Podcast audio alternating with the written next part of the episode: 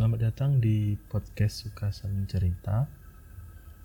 Dalam episode kedua ini, kebetulan ada temanku yang berbagi ceritanya. Namun cerita ini merupakan cerita misteri. Jadi ini adalah cerita misteri pertama kali yang ada di podcast suka saling cerita. Cerita ini merupakan kisah nyata yang dialami oleh teman saya sendiri, yaitu uh, saudara Rizal. Dan di sini aku mencoba untuk uh, menceritakan kembali uh, lewat podcast ini cerita yang dikirimkan oleh saudara Rizal. Cerita ini terjadi uh, sekitar pada tahun 2019 bulan sekitar bulan November di sebuah perkantoran yang ada di Kabupaten Trenggalek. Kejadian ini bermula pada siang hari kurang lebih jam 2 siang. Ketika aku hendak pergi ke toilet ke belakang. Di sana aku melihat enam orang temanku yang teman satu kantor yang sedang makan siang di kantin belakang. Karena pada waktu itu juga masih jam istirahat. Setelah dari toilet keluar dari toilet aku menghampiri uh, teman-teman di kantin buat ikut nimbrung sama mereka. Setelah beberapa saat ngobrol ada salah satu teman yang di kantin dia nyeletuk kira-kira sumur itu kering nggak ya? Kata temanku. Ah masa sih kalau kering? Ada temanku yang lain menjawab. Yang pada waktu itu sedang terjadi kemarau panjang yang sudah lama sekali eh, nggak turun hujan. Dan di belakang itu ada sumur sumur lama gitu yang ya, sudah lama ditutup dan hanya diambil airnya pakai pompa air. Jadi dia eh, nggak eh, pernah eh, udah lama sekali nggak dibuka dan hanya diambil airnya buat kebutuhan kantor pakai pompa air. Karena penasaran akhirnya kami menuju ke sumur itu lalu kami membuka penutup sumur itu untuk melihat uh, gimana sih kondisi di dalam uh, sumur itu. Memang sumur itu masih ada airnya. Tapi air itu uh, sangat dalam sekali dari bibir sumur itu sudah sangat dalam meskipun ada airnya cuman masuk uh, sudah sangat dalam sekali.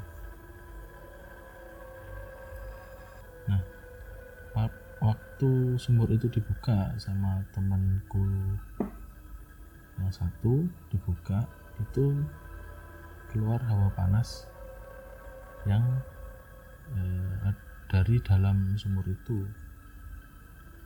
Kepikir ya itu hal biasa karena dia tertutup dan akhirnya hawa panas terjebak di dalam sumur itu.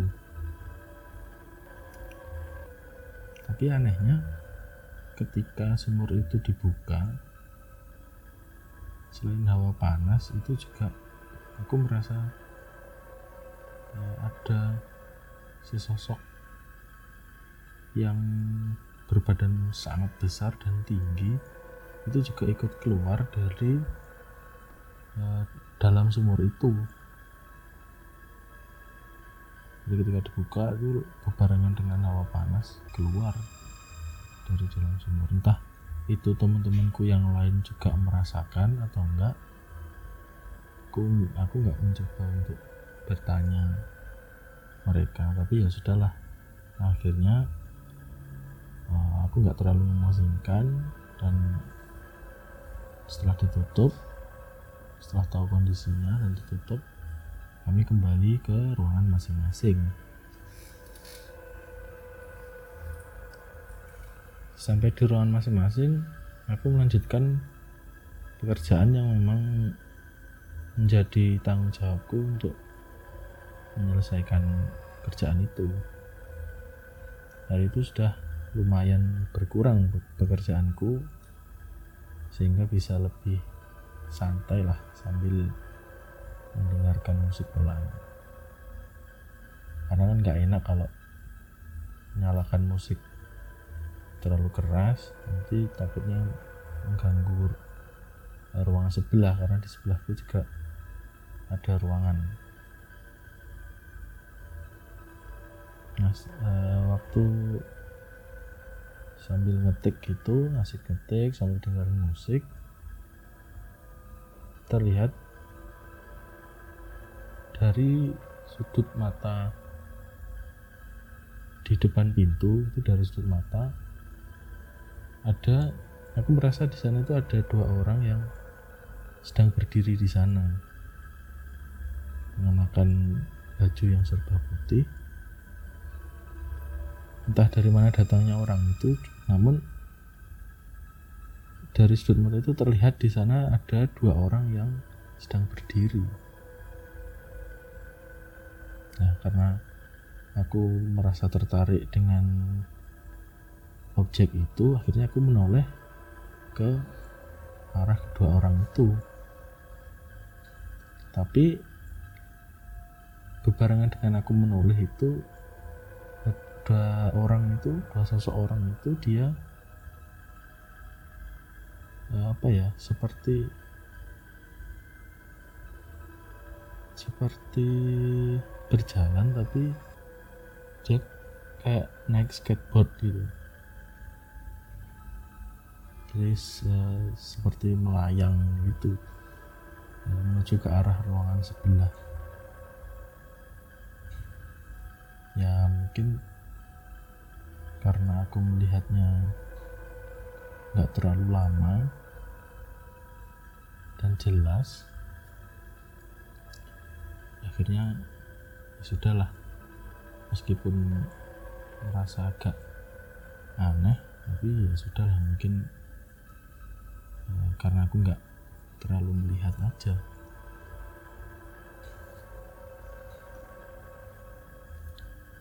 Setelah itu berselang lama terdengar ada suara orang yang mengetuk eh, pintu ruangan sebelah. Tok tok tok itu sambil bilang selamat siang. Selamat siang sambil ngetok gitu tok tok tok. Tuh. Nah di dalam ruangan sebelah itu hanya ada seorang pegawai perempuan eh, sebut saja Bu Anis namanya. Nah dari ruangan sebelah itu terdengar Bu Anis itu juga menjawab iya silahkan masuk. Namun setelah ditunggu beberapa saat tidak ada orang yang masuk ke dalam ruangan Bu Anis dan pintu tetap masih tertutup. Memang Bu Anis itu juga melihat ada bayangan yang timbul tenggelam karena terkena sinar yang ada di depan pintu itu. Dan akhirnya karena Bu Anis itu penasaran lalu Bu Anis menuju ke pintu itu dan membuka sendiri pintu itu. Nah setelah dibuka ternyata nggak ada orang di sana. Akhirnya Bu Anis ya, karena penasaran juga akhirnya eh, Bu Anis tuh ke ruangan saya